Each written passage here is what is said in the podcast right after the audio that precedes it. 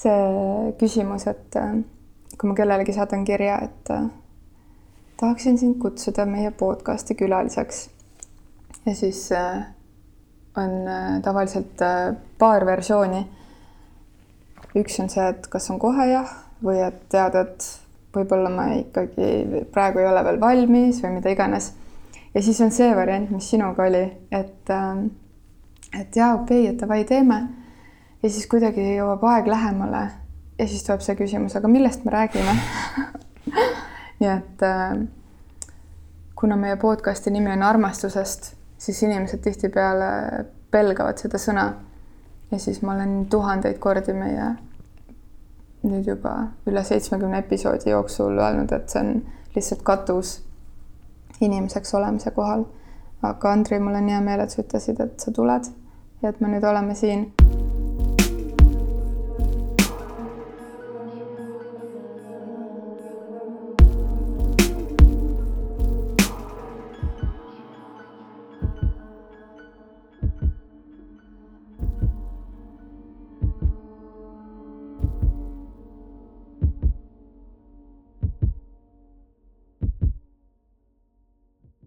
kuulajale tutvustan Andrit niimoodi oma sõnadega, mis võib-olla ei ütle tema kohta mitte midagi, aga, aga Andri tuli minu ellu niimoodi, et, et mingid inimesed lähitutvuskonnas hakkasid kogu aeg nimetama Andri nime.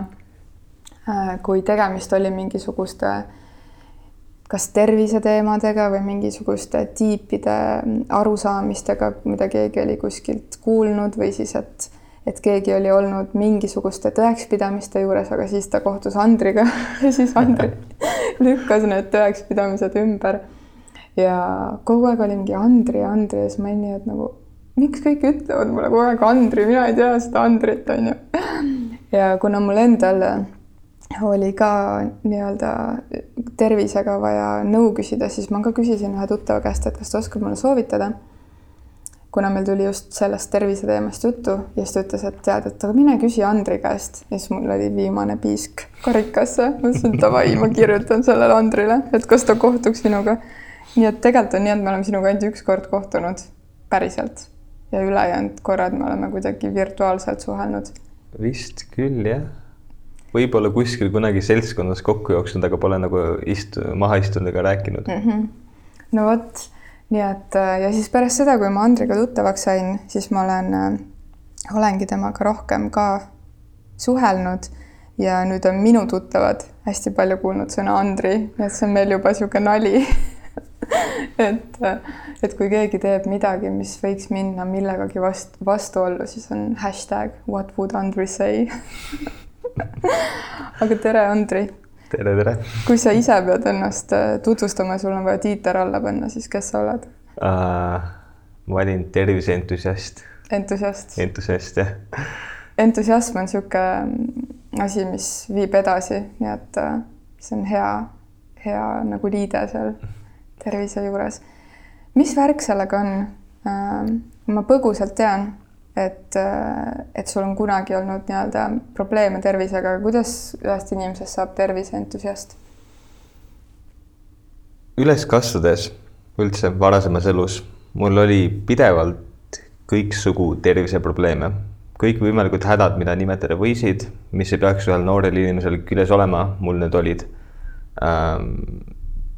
ma olin pidevalt koolis haige, noh, puudusin koolist, kuna ma olin pidevalt haige, ma olin igapäevaselt väsinud, vaeva suutsin ärkvel püsida, bakteriaalsed kopsupõletikud, sonde neelasin.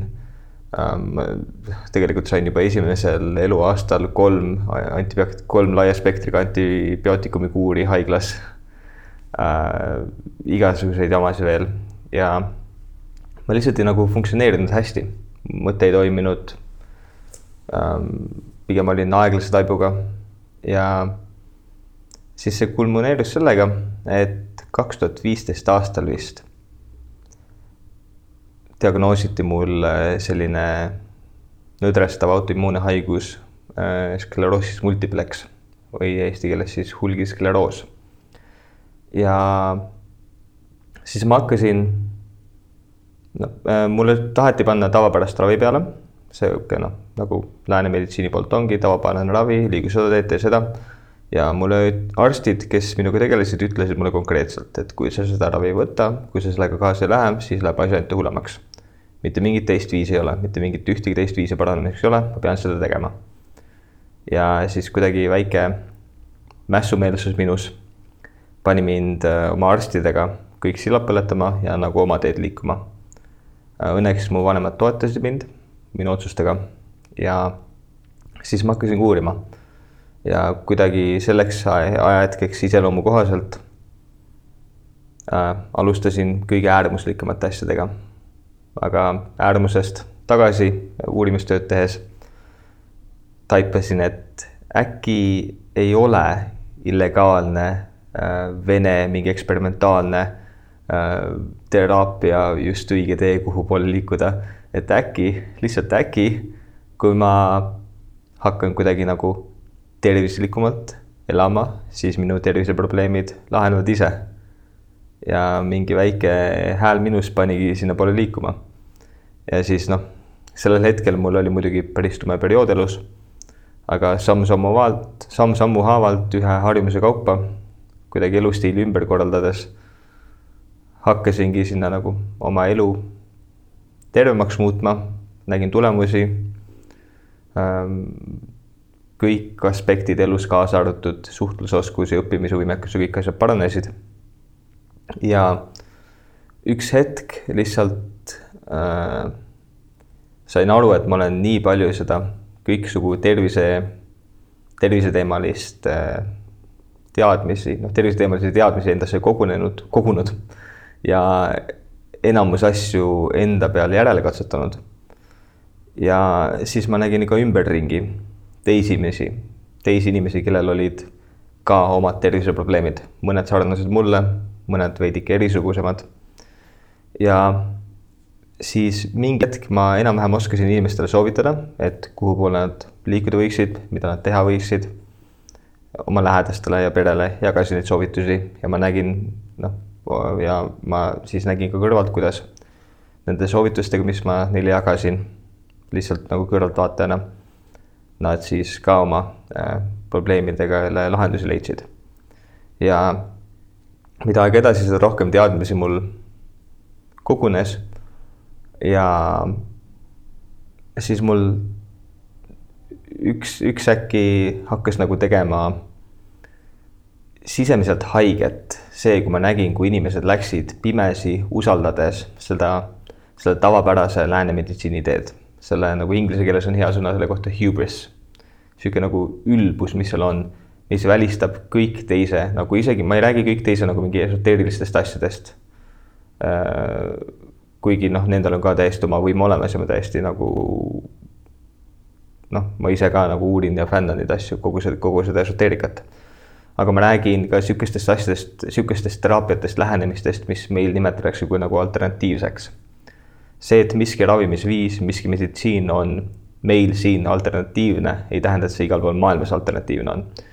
ja siis see nagu lääne meditsiini ülbus, äh, mis meil siin valdav on, see välistab kõik teised asjad, kõik teised alternatiivid mulle öeldi konkreetselt, et minu elu enam, minu elu ei saa olema enam sama ja see läheb aina halvemaks, kui ma nende ravikava ei jälginud.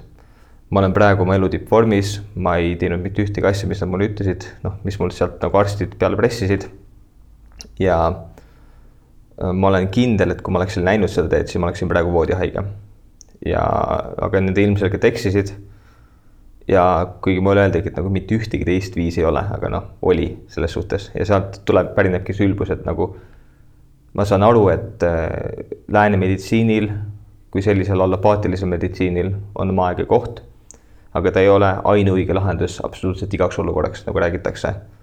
ja et äh, terviseprobleeme, eriti selliseid äh, elustiilist tingitud terviseprobleeme, kroonilised haigused, kõik muu, selle, nende kohaga peakski inimene võtma nagu noh, minu seisukoht on nüüd, et vastutuse enda kätte. igaüks peaks piisavalt ise uurima, piisavalt ise huvi tundma, ennast harima, et käituda haiguste tekkele ennetlikult, sest see on nagu mõlemal osapoolel aus, nii endale kui ka siis sellele allopaatilisele lääne meditsiinisüsteemile, mis on väga vajalik, eriti erakorraliste olukordadega tegelemiseks, kus on vaja midagi välja lõigata või kinni õmmelda. ja siis, kui inimesed ise oma tervise eest ei vastuta, ise vastutust ei võta ja ootavad ainult, et äh, perearsti poolt välja kirjutatud tablett kõik probleemid korda teeb, siis see ei ole minu arust nagu, see minu arust on nagu meelevaldne käitumine ja nagu enda suhtes ka päris ebaaus. et ja ka süsteemi suhtes, kogu meditsiinisüsteemi, sest sa lihtsalt koormad seda. nii et sihuke elustiililine, ma läksin kuidagi mõtetega väga niimoodi edasi ja kaugele juba siin, aga, aga jah, et see on, see on see, mida ma õppinud olen, mida ma nüüd, millest ma kõige vastu huvi tunnen ja siis noh, oma teekonna käigus ma olengi hästi-hästi-hästi palju erinevaid asju uurinud ja minu lähenemine, mis mulle nagu meeldib öelda, ongi nagu integratiivne. ma ei ole muidugi ravitseja, ma olengi lihtsalt tervisehuviline, mulle meeldib sellest kirjutada, mulle meeldib selle, selle kohta uurida ja sõna võtta. aga siis sellist sõnumit ma üritan levitada inimestele, et võtke nagu ise vastutust, uurige ise, tundke ise huvi. kui vana sa toona olid, kui sulle see diagnoos pandi? Äh, see oli kaks tuhat viisteist, detsember, praegu on kaks tuhat kakskümmend üks, nüüd äh, kuus aastat tagasi, ma arvan, et kakskümmend kolm. kus üks äh, kahekümne kolme aastane järsku, kui sa ise ütlesid enda kohta, et, et et sul olid nagu halvad näitajad nii paljudes asjades tervises või, või kuidagi nagu ka ma ei tea, mõtlemise kiiruses või mida iganes, kus järsku see nagu klikk või, või see asi käis, et et ilmselt enne seda oli ka ju sinu eest otsustatud, on ju, et seekord ka nii-öelda või noh, tookord ka taheti lihtsalt üks uus otsus ette lükata, et kust see tuli su seest, oled sa kuidagi mõelnud ka? ma ei oska niimoodi öelda ja ma ei ütleks, et need olid nagu mingid järsud muutujad, et see oli samm-sammalt tasapisi väiksed asjad, sest tegelikult noh, isegi see, et ma olin aeglase tajuga.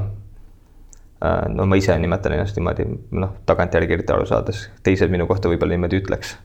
Võib-olla mul nüüd õpetajad koolis aga äh, ma ei olnud kunagi sihuke kamba vaimuga kaasamineja, ma kunagi teinud midagi lihtsalt, kuna keegi ütles mulle, et tee seda, sest ma olen tegelikult vist kogu elu pigem sihuke iseseisev mõtleja olnud, et keegi ütleb mulle, tee seda, siis ma küsin pigem nagu miks. Et samamoodi oli ka see, see mässumeelsus kuidagi tuli sealt, noh, ma arvan, et sellel hetkel, et ma ei läinud selle tavameditsiini ravi teega kaasa, oli lihtsalt puhas eitamine, ma ei lihtsalt ei võtnud vastu seda ma ei olnud nõus sellega, et mina nüüd haige olen, et see, sihuke minu elu saab olema. sest noh, mis, mis mulle siis ka selgeks tehti, mis hulgiskleroosi üldse paljude autoimmuun, autoimmuunhaiguste puhul see nii-öelda noh, tavapärane äh,, tavapärane manageerimise viis on, on see, et äh, patsiendile kirjutatakse välja immuunosupressandid Äh, mis siis suruvad immuunsüsteemi tööd alla, et sinu oma immuunsüsteem sind ei ründaks. aga see on selline plaastri lahendus, et sa lihtsalt varjad nagu probleemi ära, aga taustal kõik muu halveneb. Et see ei ole nagu aktsepteeritav, sest paranemist ei ole sinna ravikavasse nagu sisse kirjutatud, see ongi lihtsalt manageerimine ja õppimine elama nii kaua, kuni taustal olukord halveneb ja ma lihtsalt keeldusin aktsepteerimast oma saatust sel hetkel. siis äh, hakkasingi tööle ja mida rohkem ma endaga töötasin samm-sammavalt, seda nagu ma mainisin varem, et äh, seda rohkem mõtlemine hakkas ka toimima. Ja seda rohkem ma suutsin uurida, seda rohkem mul uudishimu tekkis, hakkasin, asjad hakkasid ära klikkima, samal ajal õppimisvõime, kõik muud aspektid paranesid ka. et tegelikult noh seda on raske seletada, kuidas see oli, et ma mäletan, et mul oli isegi kaheteistkümnenda klassini, kui ma olin üheksateistaastane, siis selle hetkeni ma kartsin inimestele silma vaadata, kui ma rääkisin inimestega ükskõik kellega, ma vaatasin põrandale maha. Mm.. ja see oli kuidagi sihuke noh, nüüd ma tagantjärgi kuidagi mõtlen, et miks see, kuidas, mis asi. noh, enda teooria praegu on see, et sel hetkel oli keha, keha tegeles äh, põhiliste vajalike protsessidega, et mind elus hoida ja siis lihtsalt kogu see sotsiaalne dünaamika ja kõik siuksed sotsiaalsete märkide ja signaalide üleskorjamine oli kuidagi nagu tahaplaani lükatud lihtsalt ei saanud aru sotsiaaldünaamikast päris palju. ja seetõttu ma olingi, hoidsin pidevalt endale ja ma hoidsin ka hästi palju teistest inimestest eemale ja koolis olin ka mingi hetk olin nagu kooli kiusamise ohver selle tõttu, aga vaikselt kasvasin välja ja vaikselt äh, läks sealt asi edasi. ja siis ongi nagu olnud väikesed muutused kogu aeg, mingid pisikeste sammude kaupa mina samamoodi ei ole mingisugune arst ega, ega, ega ma ei saaks enda kohta öelda ka otseselt terviseentusiast, kindlasti ei oleks esimene subtiiter mu kohta. aga ma hästi nõustun sinuga, et, et me võiks kuidagi rohkem ise vastutust võtta, noh, üldse oma valikute eest, on ju, oma vabaduse eest ja samamoodi selle eest ka, et, et me noh, kuidas, kuidas meie tervis liigub, püsib või muutub või kasvab ja äh, et mind, mul võngub kokku nagu see sinu mõtlemine selles osas. Ja ma samamoodi pean oluliseks äh, nii lääne meditsiini, aga just see, et, et mitte välistada ja, ja kuidagi koostööd teha või vaadata, et millisel hetkel, mis on otstarbekas ähm,.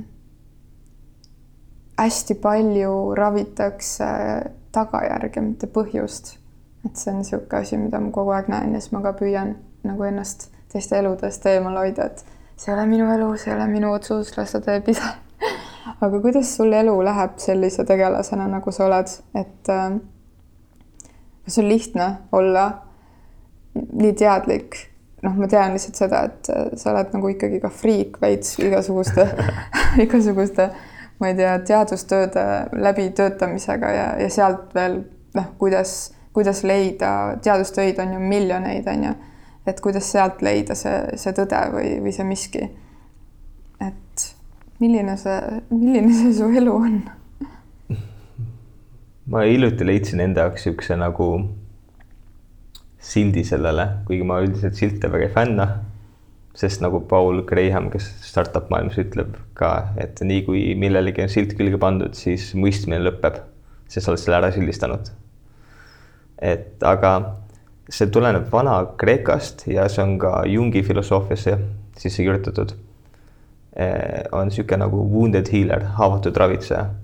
et see, et ma olen ise selle valu läbi teinud, eh, kõik selle raske tee läbi käinud, see aitab mul eh, samastuda teiste inimeste, teiste inimeste hetkeolukorraga ja kõik, mis seal nagu peas toimub ja samamoodi ma tahan, ei tahagi, et nagu keegi teine seda nagu teed läbi käiks, vaid samamoodi nagu kannatab ja kui ma inimest tean ja ma tean, mis tal on nagu, kuhu suunas ta võiks liikuda, aga hoopis pressitakse mingit niisugust nagu tabletilahendust peale, siis see, see, see teebki nagu haiget. aga ma ei taha olla ka see tüüp, kes lihtsalt räägib äh, nagu ümarat mulli juttu, et nüüd ela tervislikult ja tee seda kõike muud vaid ma tahan suuta argumenteerida kõiki neid oma seisukohti täpselt sellesama läänemeditsiini tasemel, teadustöödega, kõik asjad läbi käies, niisugune väga pragmaatiliselt ja detailideni välja.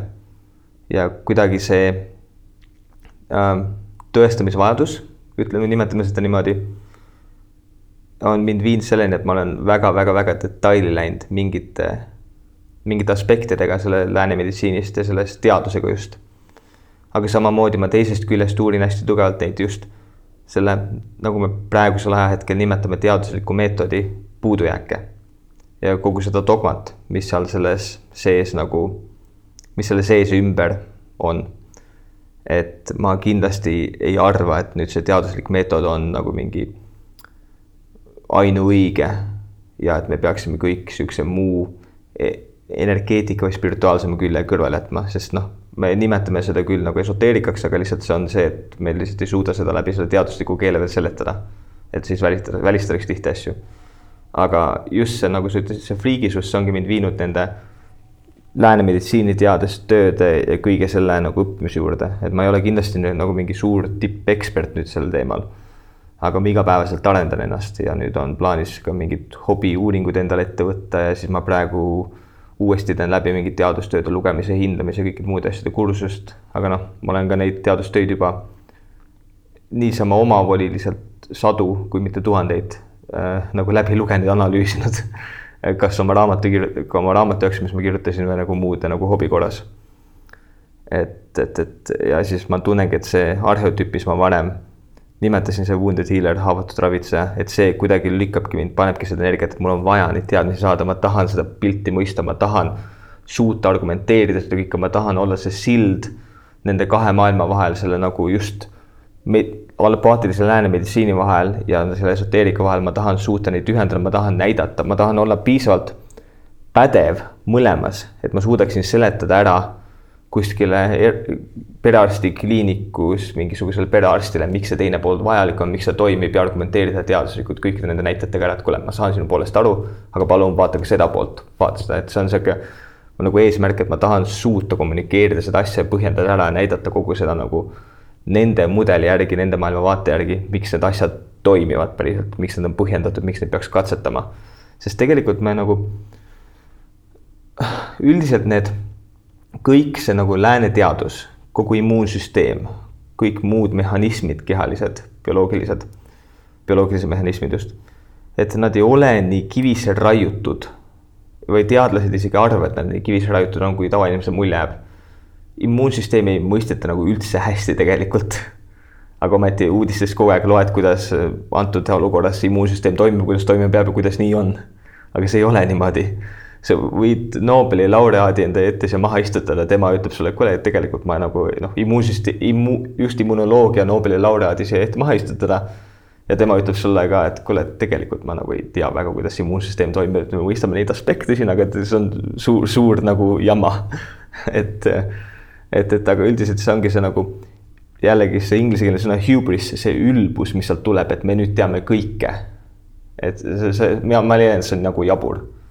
ja siis ma lähenengi kogu selle teaduse lugemisele, kõigile sellega, noh, kogu teadustöödele, kõigile, mis ma loen, kõigile sellele poolele ma lähenengi selle nagu läbi selle raami, et äh, okei okay,, et see on nagu best to their knowledge, aga see ei ole see absoluutne tõde nüüd.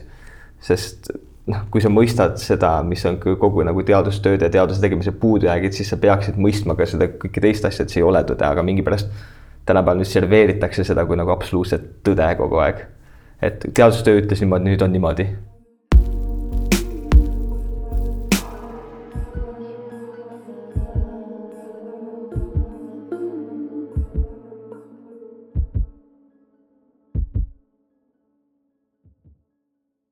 mis sa arvad, kui võimalik see on, et, et äh, nii-öelda jah, taaskord tuleb juttu sellest vaost, mis on kuidagi tõmmatud nagu selle noh, praegu näiteks siis lääne meditsiini ja, ja siis mis iganes sinna teisele poole jääb, on ju. ma isegi ei nimeta seda nagu kuidagi idaks praegu, vaid lihtsalt äh, kõik muud, äh, muud võimalikkused, et mis, mis sa arvad, kas meie eluajal üldse näeb mingit niisugust asja, et tekivad suuremad sillad ja sest et praegu mul tunne, et see vagu on nagu väga sügavaks tõmmatud, eriti praegu, praegusele maailma seisuga. mul on just tunne, et üks asi, milles see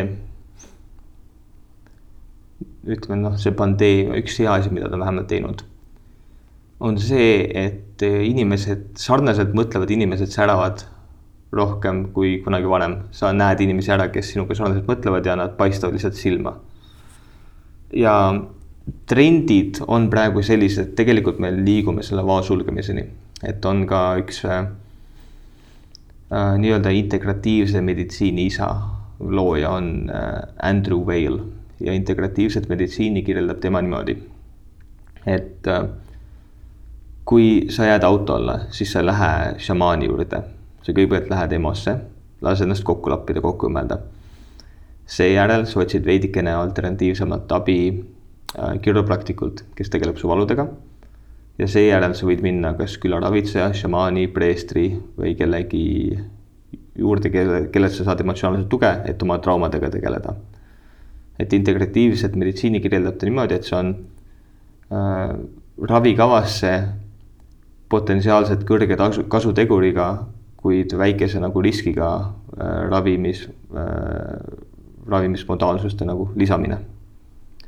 ja see Ameerikas on väga suure, noh, väga trendiline see poole liikumine, mul on tunne, et nagu eriti praeguses olukorras aina rohkem inimesi nagu ärkab. et äh, kuidagi tajub, võib-olla see on see nagu sihuke äh,, vabandan oma prantsuse keele pärast, aga bullshit sensor.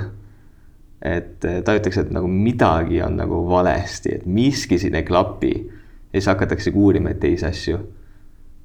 ja samamoodi ka nagu teist, teistest kohtadest abi otsima, et nagu mul, ma kunagi mingi aeg tagasi tegin ühe teise podcast'i intervjuu seal Täitsa Pekkis saates.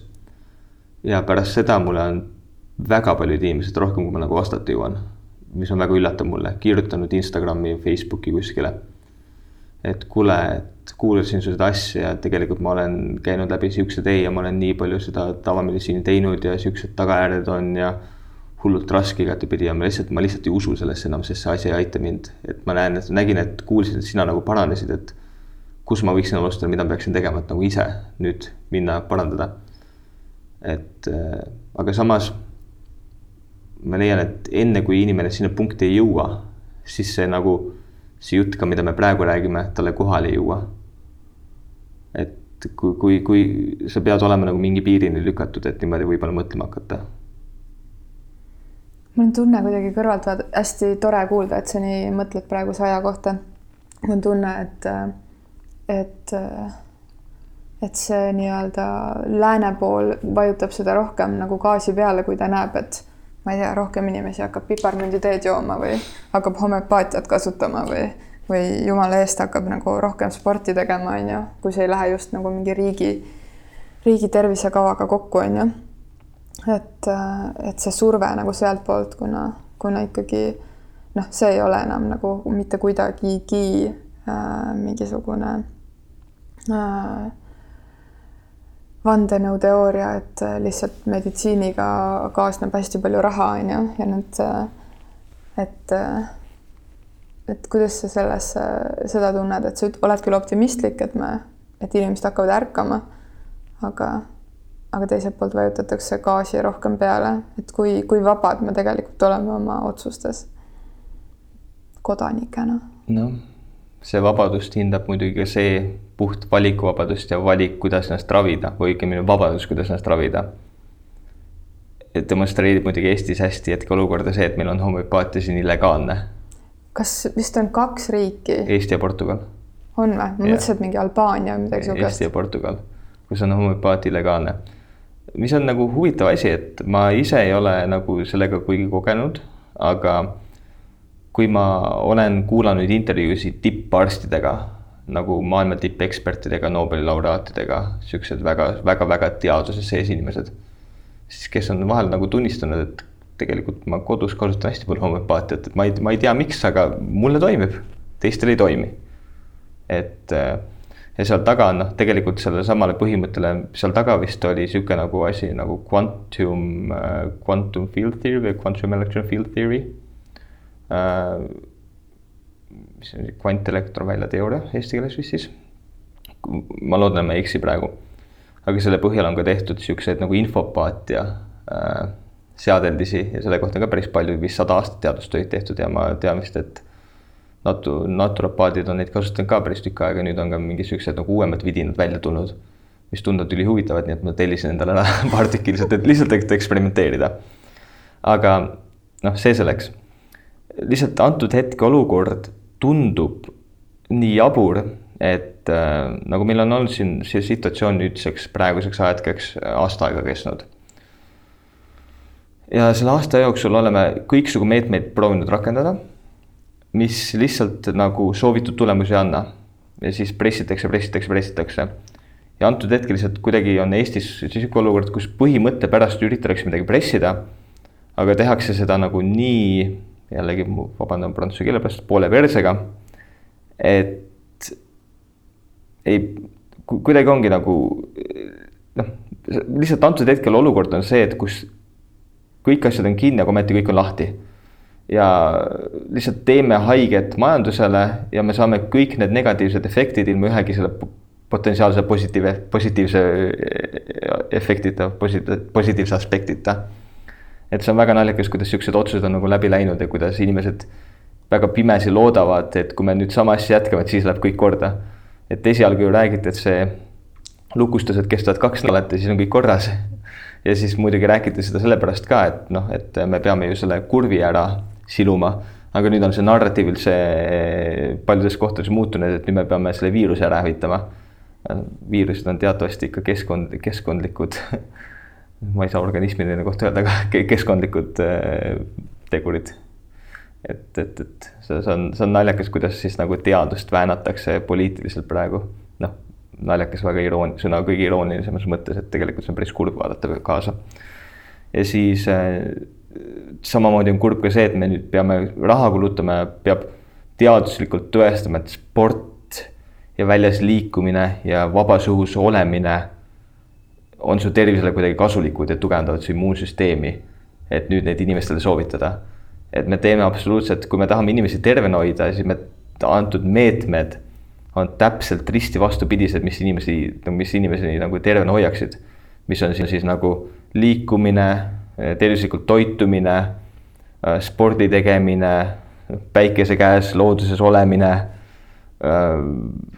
ja siis nagu üldse see nagu koos olemine ja nagu ühtekuuluvus, et see, see ses suhtes, et kui inimesed noh, see kommuun ja see puht see mentaalne just heaolu, noh, me väga suure stressi alla oleme inimesi pannud, aga just see nagu, just see mentaalne heaolu ja, ja nagu stressi vältimine.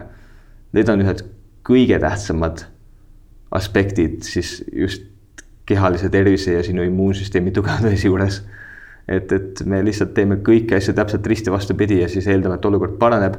ja siis nüüd äh, nagu siuksed piltlikult teadlased kratšivad oma pead, et miks me kõik nagu haigla, haigemaks jääme. no see on sellepärast, et me oleme antud hetkel teaduse täiesti poliitiliseks muutnud ja laseme poliitikal teadust dikteerida ja tegelikult päris teaduslikke nagu soovitusi ei jälgi.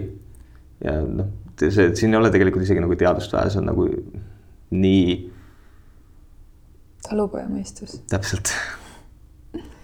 kuule, aga hüppame korraks tagasi, et äh, nii mitmedki kuulajad kindlasti ei ole su blogiga tutvunud, aga see on andripetso.com, et kes tahab, võib minna sinna uudistama.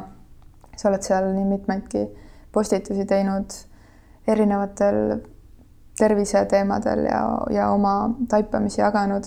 aga ma ei tea, ütle näiteks kolm, kolm või noh, kui tuleb rohkem, mida iganes asja, mis on kõige olulisemad olnud sinu tervenemise teel või, või sellel teel, et sa saad täna öelda, et sa oled tippvormis ah,? Äh, ma ette mainin ruttu ära, et see blogi aadress on blog.andripetsu.com, et see andripetsu.com on hetkel inglisekeelne. okei okay. um,.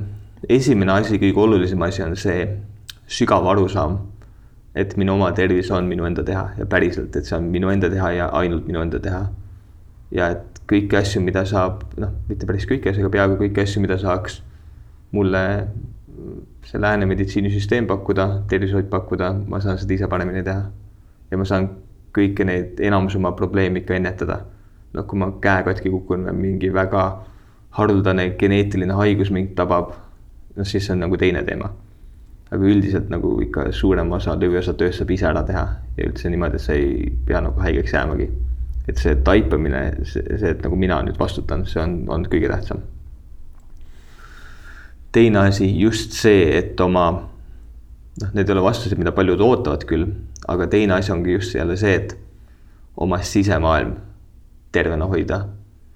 sest kui sul on ikka seest mäda, siis sa ei saa oodata, et su tervisest kõik nagu korras oleks välispidiselt ka. et nendega tuleb koos tegeleda nii tervislikku eluviisi, tervislikku eluviisi harrastada, tervislikke valikuid teha. aga ka just selle oma stressi, oma traumadega, oma minevikuga, oma suhtumisega ellu, kõigega tegeleda samamoodi.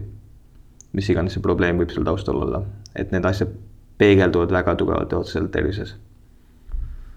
ja kolmas asi on siis nagu see, et jällegist kaheksakümmend protsenti tööst teeb ära kaheksakümmend protsenti terve olemisest, võib-olla isegi rohkem, on need kõige lihtsamad, kõige labasemad terviseedenduse praktikad. tee sporti mõistlikult, liigu, ähm, tee tervislikke toiduvalikuid. Noh, muidugi ma hiljem võin sellesse teemasse hüpata, kus see nagu tervislik ei ole tegelikult üldse lihtne, sest meil on see mõiste täiesti ära solgitud ja mis ma, valikud, mis ma arvan, võivad tervislikud olla, tegelikult üldse absoluutselt ei ole. aga see selleks, aga lihtsalt teha tervislikke valikuid. noh, see võib olla keerulisem, ütleme niimoodi, et vältida ilmselgelt halbasi asju vot see on juba piisavalt sa tead, et see McDonaldsi burger ei ole tervislik, see ei ole tervislik toit, ära söö seda, sa tead, et Coca-Cola ei ole tervislik ära joo seda. et vältida ilmselgelt halbasid valikuid, liikuda ringi ähm,, tegeleda oma sisemaailmaga, leida oma see nagu, endale mingi tugev eesmärk, enda missioon, lihtsalt tunda ennast nagu inglise, inglise keeles see fulfilled mm.. tunda ennast nagu hästi. ja hoida häid inimesi enda ümber ja see ongi juba nagu põhiline teema kuidas oma sisemaailma korras hoida, mida sina oled teinud hmm.? Neid praktikaid on nii palju, et mediteerimine on kindlasti üks tähtis aspekt, tähtis praktika minu olnud, minul olnud. samamoodi nagu tänulikkuse praktiseerimine, lihtsalt puhas eneseanalüüs ja nagu läbi erinevate rännakute olen jõudnud ka selleni, et äh, endale andestamine ja kuidagi mineviku asjadest ja vihast nagu vabaks laskmine et see, et kui ma olin nagu sellel hetkel koolikiusamise ohver, eks see nagu see viha ja kõik muu on nagu minust ikka oli ka kinni jäänud. ja kuidagi selle taipamine, sellest nagu lahti laskmine, et see on olnud väga-väga suur nagu läbimurre mulle endale. ja ma tunnen nüüd, et ma olen palju, noh, ma olen neid asju nagu nii palju proovinud, ma kindlasti unustan hunnikus ära siin. aga ma tunnen, et ma olen väga palju vähem reageeriv väga palju rahulikum, väga tasakaalukam inimene, kui ma olin varem. et varem võis iga pisike asi mind lihtsalt närvi ajada ja sain vihaseks ja siis elasin seda viha välja, kogusin viha enda sisse ja kõike muud. aga nüüd on lihtsalt, et enamuselt, ena-, enamusel on minust raske, minult nagu raske reaktsiooni välja saada et, et, et see, see kõik on nagu väga tugevalt aidanud ja ma tunnen palju tugevamalt sellist keskmist rahu ja siis lihtsalt selle nagu säilitamine, et õppida tundma ära, kus see oma piir on. et kus sa hakkad punases, kus, kus kohas sa hakkad nagu punasesse jooksma, et kui palju sa ennast nagu suruda võid või kui, kui, kui, kui hullu sa võid panna töö ja trenni ja kõige muuga. ja kui hakkab punasesse jooksma, siis nagu tõmmata taha ja veidi, tõmmata nagu tagasi ja veidike nagu puhata. et see kuidagi piiri tajumine ja tasakaalutunnetus. ma ei mõtle nüüd sellega mitte midagi halba, kui ma ütlen keskmine Eesti mees, aga ma siiski kasutan seda väljendit üldistused on üldse kentsakad, aga kui keskmine Eesti mees kuuleb sõna mediteerimine, siis ta ikkagi, kas ta teeb mingi nalja või siis ta teeb mingi teise nalja või siis ta hakkab millestki muust rääkima. et mis oleks see soovitus meestele, kes tunnevad, et meel täiega noh, kimab kuskil suunas on ju, seda ei saa pausile panna millist meditatsiooni soovitada, mis on see, mis meestele võiks toimida? kui soovita, kas mingit konkreetset äppi või mingit tehnikat või, või jah? ma arvan, et sellel puhul on kõige lihtsam parasümpaatiline hingamine. teadlikult teha. meie, meie kesknärvisüsteem saab olla kahes seisundis, sümpaatiline ja parasümpaatiline. sümpaatiline närvisüsteemi seisund on see, et jookse või võitle või jookse, fight or flight ja parasümpaatiline on see puhka ja seedi, rest and digest. ja sa kõigud nende kahe vahel, saad ka nagu tasakaalus olla. et siis, kui sa oledki sihuke A-tüüpi äh, sihikindel, kindlameelne, kiire tegutseja, kogu aeg sporti, kogu aeg trenni, hullult palju asju vaja teha, saavutada, saavutada, saavutada. siis sa oled kogu aeg parasümpaatilises seisundis, kipud olema. et äh, ma ei ole seda numbrit nüüd kontrollinud, aga üks äh, tuttav äh,, noh, hea tuttav inimene kunagi mainis mulle, et äh, mingite teooriate põhjal me peaksime olema kuuskümmend protsenti ajast parasümpaatilises kesknärvisüsteemi seisundis. aga mis on juhtunud, et me oleme hoopis seitsekümmend protsenti ajast sümpaatilises. ja on vaja tagasi tõmmata, kui mediteerimine ei toimi, siis toimib väga hästi parasümpaatiline hingamine. ja sellest ma olen ka palju rääkinud. et sa võid nagu ma isegi oma kogu selle terviseteekonnaga kuni eelmise aastani oli noh, mis see hingamine ikka nagu, et noh, kõik teisi asju teen, mul on nii vinged biohäkkimise vidinad ja kõike toidulisandid siin sisse, igasugust stuff'i teen.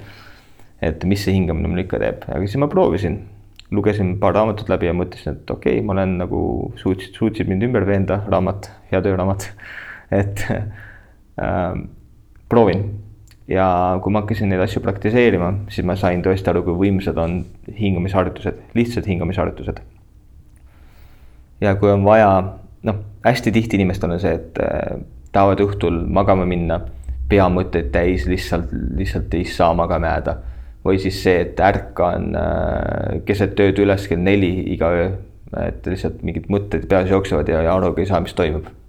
kaks kõige sagedamat asja, üks on nagu, nagu insomnia, mis ei lase nagu magama minna, teine on sleep main-, üks on sleep onset insomnia inglise keeles mis ei lase nagu magama jääda, teine on sleep maintenance insomnia, mis ei lase nagu magama püsida. Neid tegureid on väga palju muidugi, mis sinna kõrvale käivad, võib olla veresuhkruga seotud, võib olla neurotransmitteritega seotud, võib olla muu biokeemiaga seotud. aga enamjaolt väga paljudel aitab see, et õhtul noh, tõmba enne magaminekut tund aega, tund aega enne magaminekut lülita tehnoloogia välja. ja tee enne magaminekut parasümpaatilist hingamist tõmbab kohe väga rahulikuks ära, sa tunned seda, eriti kui sa õhtul teed selle eesmärgiga, et nüüd ma tahan maha rahuneda. Äh, see käib niimoodi, sa hingad neli sekundit nina kaudu sisse. sa hoiad seitse sekundit hinge kinni ja sa hingad kaheksa sekundit häälega suu kaudu välja nagu sihuke.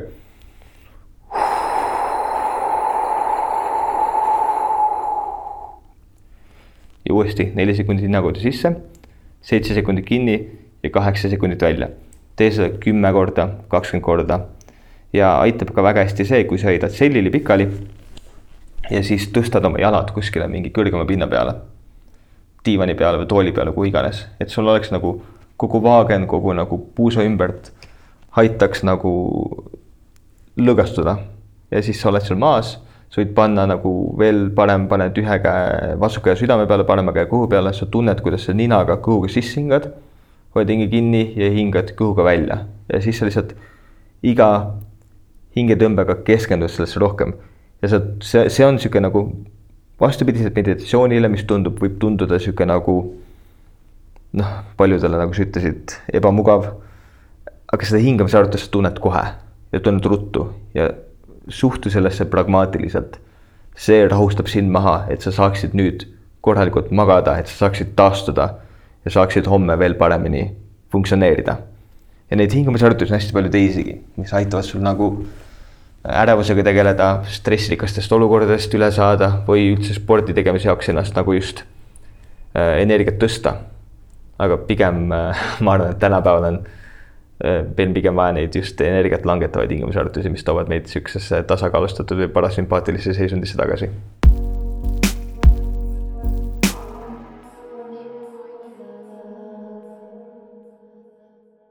mul on tunne, kui ma kuulan sind ja me oleme natuke siin mingi väiksema seltskonnaga nendel terviseteemadel rohkem ka rääkinud viimaste kuude jooksul koos, aga aga et äh, üks asi, mis sul on hästi tugev, on mingi, ma ei teagi, mis see sõna on, nagu sihikindlus või see, et äh, mul on ka palju asju, mida ma tean, on ju, aga just see, et ma siis hakkaks neid tegema või et, äh, et et, äh, et see pagas infoga on tegelikult nagu nii suur ja nii mugav on ikkagi nagu millalgi mitte teha.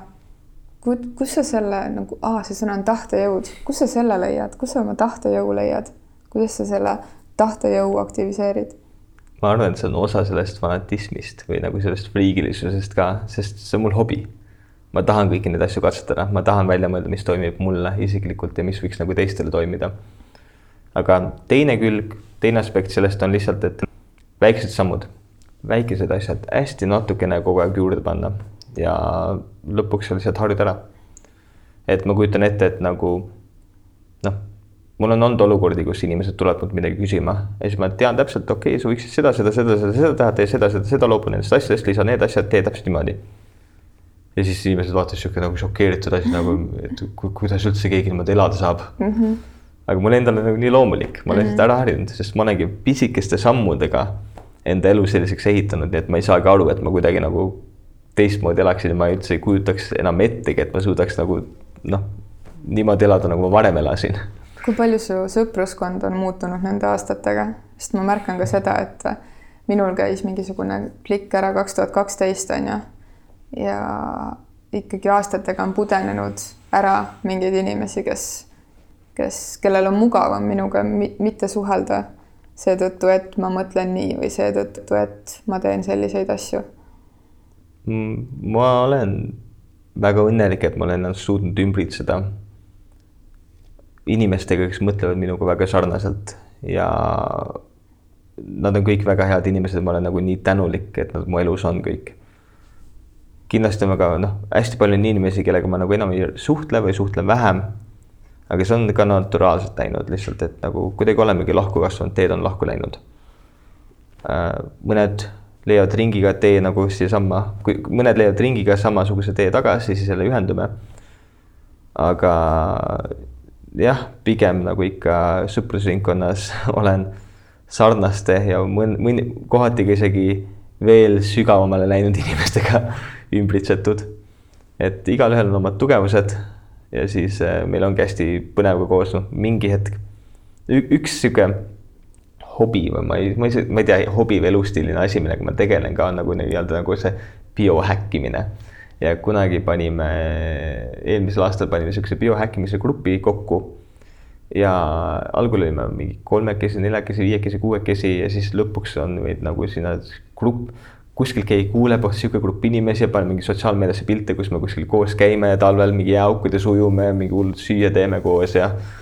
ja siis äh, kogu aeg tuleb postkasti, oh ma tahakski liituda, oh tahakski liituda, oh tahakski liituda ja tahaks teha ja siis me siseselt olid siuksed pingelised arutelud, et oot-oot-oot, liiga palju inimesi tuleb peale, et kuidas me saame nüüd seda grupi dünaamikat säilitada, aga ometi ei taha kõigile ei öelda ja ei taha nagu mingid siuksed liiga suursugused välja näha ja et need head inimesed lihtsalt tulevad, tulevad, tulevad juurde, liituvad ja see näitab ka pidevalt, see tegelikult demonstreeris ka, kui palju on sarnaselt mõtlevaid inimesi, kes ka isegi nagu teadlikult otsivad samasuguseid mõtlevaid inimesi.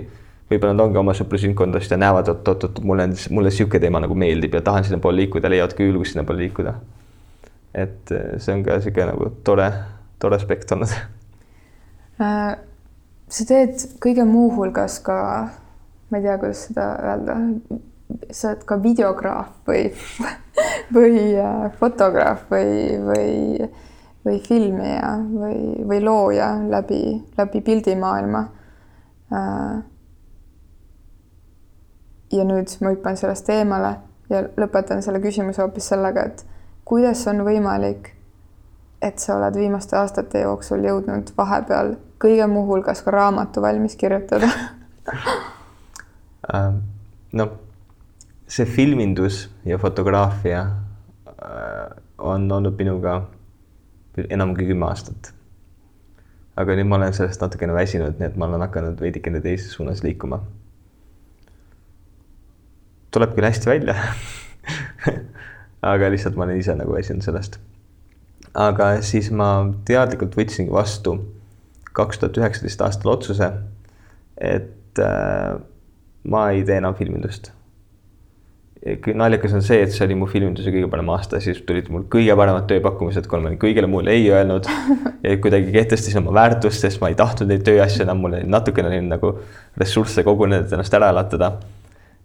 ja siis keskendusingi õppimisele, ma kaks tuhat üheksateist aastal ma ainult õppisin, õppisin, õppisin kaheksateist, üheksateist mõlemad, kogu aeg iga päev vaatasin, õppisin, lugesin kõiki muid, kõiksuguseid teemasid. aga siis äh, kuidagi seal selle taustal olid mingid, hakkasin väikest, noh, kuidagi tahtsin oma teadmisi nagu jagada, hakkasin blogiartik-, hakkasin mingit väikest Instagrami postitust kirjutama. laiendasin järsku see blogiartikkel, siis mingi suurem artikkel, siis sellest sai mingi väike sihuke nagu loeng, siis sai järsku seminar ja lõpuks kuidagi kaks aastat hiljem sai sellest raamat. et mul ei olnud nagu missiooni raamatut kirjutada, hästi nagu tasatargu läinud aga lihtsalt tahtsin, kuidagi oli, et kirjutasin midagi, siis oot-oot, aga nüüd on seda aspekti ka vaja katta. kirjutasin ära, oot-oot, aga ma ei saa ju seda öelda, ilma et ma seda ära seletaks siis kuidagi niimoodi nagu järjest läkski. tahtsin niisugust nagu komplekti kokku saada. ja üks hetk oli endal raske nagu selles navigeerida juba. aga tee reklaami, ütle, mis raamat on ja kust inimesed ja. saavad seda Äh, raamat, raamat on muidugi kirjutatud, kuna ma töötasin kõik selle asja läbi inglise keeles ja mu põhi sihuke nagu see noh, kui ma teadustööd loen, ma, ma ei loe eesti teadustööd, et ma ikka inglise keeles loen ja töötan kõike läbi. ehk see raamat on kirjutatud tegelikult inglise keeles ja see on, see on raamat paastumisest ja katkendlikust paastumisest. kogu see, sellega seotud äh, teadusest äh, ja kõikidest müütidest ja teadmatusest, mis sellega kaasneb ja kuidas seda õigesti teha, tervislikult teha, ilma et endale haiget teeksid. Raamatu nimi on Mastering Fasting ja see subtitle, alapealkiri on uh, The hard way but made simple for, for everybody. et siis uh, Mastering Fasting paastumise uh,, kas ma tõlgin seda? kuidas me tõlgime? yeah et kuidas kroon pähe saada paastumises jah, paastumises meisterlikkuse saavutamine yeah. ja et see keeruline viis, aga tehtud lihtsaks kõigile. ja mu eesmärk raamatuga oligi kirjutada, seda oli, ma tahtsin seda kirjutada niimoodi, et seda saavad lugeda nii tervishoiutöötajad ja sealt info kätte saada, kui ka inimene, kes ei ole varem äh, terviseteemadega kokku puutunud ja talle kõik arusaadavaks teha kindlasti ta ei saa kõikidest detailidest aru ja ta juba hakkab seda nagu pilti kokku seal panema. Äh, aga ta, ta, see tekst on niimoodi kirjutatud, et et ta nagu mõistaks neid kõiki kontsepte ja see võib olla nagu ka hea algus sellele, et kuidas hakata hiljem mingeid pilte kokku panema. et, et, et jah, seal on siis raamatu nagu kolmest osast sissejuhatus, kus ma räägin, kuidas noh, räägin oma loo ära ja räägin, kuidas nagu harjumusi ehitada ja kuidas nagu, kuidas ennast mõtestada, mis, mis läbi mis raami, läbi mis, millise mõtteseisundi sellele raamatule läheneda. raamatu teine osa on teadustöödesse sisseminek. räägi, räägime kogu sellest teadusest, kõik kasutegurikud, kõik, kõik kasutegurid, mis sa sellest nagu saada võid. kuidas see raamat sulle head teeb, kuidas need, tähendab, kuidas see paastumine sulle head teeb. ja mu eesmärk selle taga on see, et sest ma ise usun, et nagu kui sa tahad midagi nagu päriselt teha ja päriselt hästi teha ja seda nagu omastada ja selle järgi hakata elama sa ikka peaksid nagu väga päris hästi mõistma, miks sa seda teed. ja siis kolmas äh, osa raamatust ongi, et see praktiline osa, et kuidas nüüd seda kõike teha, kuidas õigesti teha, kuidas peaks nagu käituma päriselt. üliäge igatahes. see tuli kuidagi nii üllatusena, kui me juba mõnda aega olime suhelnud, et siis by the way, et ma olen siin ka, mul tuleb raamat välja, siis ma mingi, mida, kuidas, võimalik ainult Andrimaal aga kuule, ma kutsusin ju, kutsusin ju sind seepärast ka just nüüd, sa olid mul listis, aga ma mõtlesin, et kui läheb soojemaks, et ma kutsun su millalgi juuni alguses või nii. aga kutsusin praegu, sest et, et sa kolid ära aastaks. kas see on saladus või sellest võib rääkida? sellest võib rääkida. miks sa ära lähed, kuhu sa lähed nüüd sa tõmbasid mind selle küsimusega väike, veidike siia nurka um, ma lähen ära, noh, mul on lisaks raamatutele, lisaks filmindusele, noh, filmindusega ma ei tegele, siis mul on nagu teistsugused äh, business'id ja ärid, millega ma tegelen ja mul lihtsalt on ärilises mõttes vaja Portugali kolida. et äh, naljakal viisil teine valik, kus homöopaati keelatud on aga ei, mul on vaja lihtsalt Portugali kolida ja sealt äh, tegutsema hakata. et noh, mul on lisaks nagu filmindusele, kõigele muule ma tegelen ka nagu vaikselt e-kommertsiga, et ennast nagu ära latada, selleks noh, selle kirjutamisele, noh, sest kirjutamisega ja oma blogipostitustega, sellega ma raha ei teeni, seda ma teen lihtsalt puhtast missioonitundest. raamatuga ka tegelikult raha ei teeni, see ei ole mul kunagi olnud mitte mingisugune niisugune kasumlik, kasumlik ettevõtmine ega kasumi eesmärgiga ettevõtmine, ma lihtsalt tahtsin seda teha. antud hetkel olen veel miinuses, aga ma arvan, et sellega läheb hästi, sest mul on siin, töötan ühe, hakkasin sihukeste PR inimestega töötama. ja ma arvan, et see, sellel on potentsiaali. ja siis hakkan nagu isiklikku brändi selle ümber looma. et äh, kuidagi nagu noh, eks näis, nagu mõtteid on palju. aga sellega ma ennast nagu ära ei elata, et siis lihtsalt puht ärilises mõttes nagu Portugali minna. kui sa mõtled nüüd Portugali peale mm, -hmm. siis toit ja vesi ja liikumine kas see teeb rohkem kehale ja meelele pai kui elu Eestis? ma arvan küll, ma, eks see ongi üks mu lootus ka, et seal toit on puhas ja hea, nii palju, kui ma kuulnud olen. ma ei ole kunagi käinud seal, nüüd ma neljapäeval lähen, õigemini kolme päeva pärast lähen Portugali elama, ma ei ole mitte kunagi käinud seal ja see otsus tuli siin kuu ajaga. pakkisin elu kokku ja minek. aga ma ei ole kunagi käinud seal ja ma olen väga elevil nüüd eh, tunda saama, milline see elu seal on. et eh, mul tekitab elevust see, et me hakkame ookeani ääres elama. Äh, ja just, et see soe on ja kõik, kõik see muu sealjuures, et, et, et mul need siin külmad talved on päris rasked olnud et ma pigem sihuke troopiline inimene. kuule, aga siia lõppu veel kuidagi, et mul on tunne, et kõigele muule lisaks oled hästi inspireeriv kuulamine ka, ka kuidagi meie võib-olla nooremale publikule, sest meil on hästi suur mis see range eesti keeles on, suur, suur ulatus, äh, et meid kuulavad tõesti nagu teismelistest kuni nagu ma ei tea, kuuekümne aastaseni inimesed. et äh, mis on jah, kui veel tuua mõned nagu soovitused, sa küll enne ütlesid äh, selle tervise osas, aga, aga kui ma kokkuvõtvalt tänase tunni jooksul vestluse, siis toon välja mingid nopped, et sa ütlesid koolikiusamine, tervis äh,, kuidagi, mis on see, mida sa tahaksid välja tuua, et innustada noori jälgima oma hingeteed hmm.?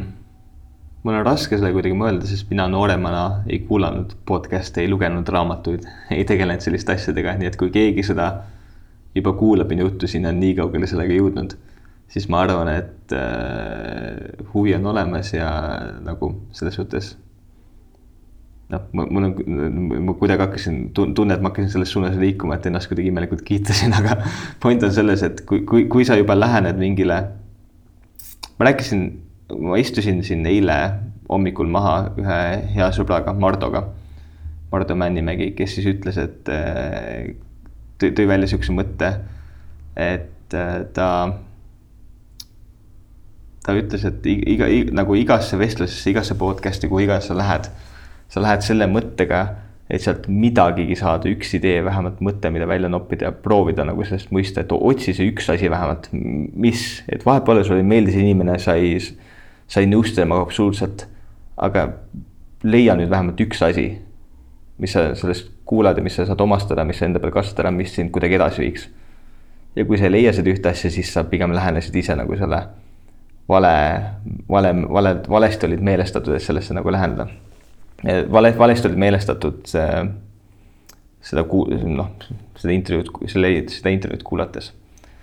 ja nüüd selle mõttega, et kui keegi on nagu nii kaugele jõudnud ja tal mingi asi, mingi aspekt, mingi mõte resoneerus ja hakkab seda nüüd rakendama, siis ma arvan, et ta on juba nagu päris heal teel.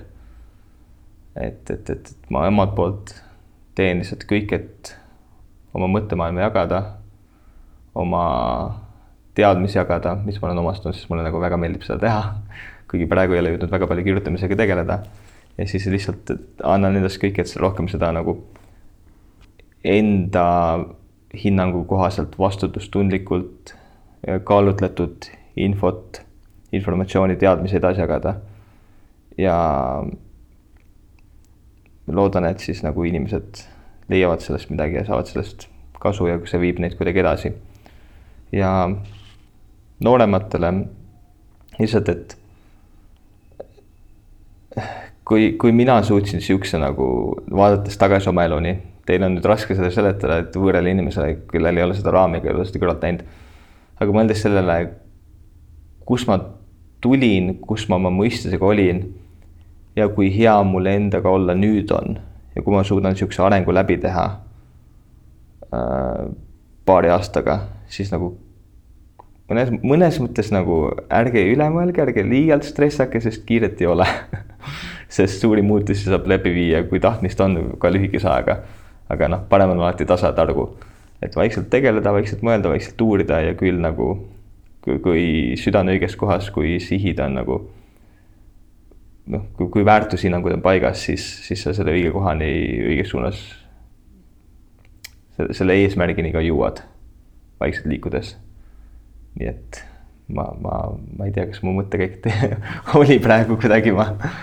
Mu see küsimuse esimene pool oli hästi-hästi pikk ja lohisev ja pause täis, ma tean, kuidas Veiko monteerides mõtleb, et Elina, miks, kuidas, võta ennast kokku. aga Veiko, sa ei olekski pidanud sealt lõikama, nii et see, see läheb siit edasi, see lohisev teine pool, et äh, sa ütlesid, et su vanemad toetasid su otsust toona mm. teha ise valikuid ja ma just ütlesin, et see ampluaa meil vanuses on, on hästi suur. Et mida öelda nendele, kes on lapsevanemad ja kelle lapsed on, on nüüd kaheksateist pluss ja teevad, võib-olla võtavad vastu otsuseid, mis ei lähe nende maailmavaatega kokku või seal või, või, või nende mingisuguse teadmistega, mis sa neile soovitad? mul lapsevanema kogemus endal puudub, nii et ma läbi selle raami ei oska rääkida väga, aga proovida kõhutunnet kuulata, siis mis tundub päriselt õige, mitte see, et nagu see vist lubab päris laia, selles suhtes päris laialt saab seda kasutada, aga nagu, et meie sihuke matemaatiline numbrite ja kõik loogiline mõistus võib öelda ühte, on ju. et faktid ja kõike muud, aga mis, mis see kõhutunne ütleb? et kuhu suunas nagu võiks liikuda? mis otsust vastu võtta, et nagu õppida seda oma kõhutunnet kuulama ja kui tundub, et äh, noored tahavad ühes suunas liikuda, siis usaldada oma kõhutunnet ja usaldada ka enda, neid nooremaid inimesi enda elus. näed, sa küsisid, et äh, millest me räägime, ma ei teadnud täpselt, millest me räägime, rääkisimegi kõigest sellest. ja ma arvan, et armastus kuidagi tegelikult oligi kohal kõiges selles, mis sa rääkisid, sest et äh, nagu sind tegelikult tundmata, siis ma imetlengi sinu juures kuidagi seda, et sa kasvad ja arened ja teed tööd endaga ja ma arvan, et armastuses on see ka nii oluline olla tänulik, kohal, areneda ja taibata, et, et kõik ei ole ainult nii, võib-olla ka naa. nii et mingis mõttes võib öelda, et me rääkisimegi tund aega armastusest. Andri, aitäh sulle. aitäh, et kutsusid. ja mul on nii hea meel, et, et me oleme kohtunud, sa oled minu elu teinud hästi palju rohkem tüütumaks ja hästi palju rohkem rikkamaks. ma jälgin kõike palju rohkem, mis ma teen. ja ma loodan või soovin, et kõik, kes täna kuulasid, äh, tunnevad midagi sarnast või hoopis seda, mida nad ise valivad aitäh sulle. aitäh sulle. mõnusat Portugali ja kohtume kodus uuesti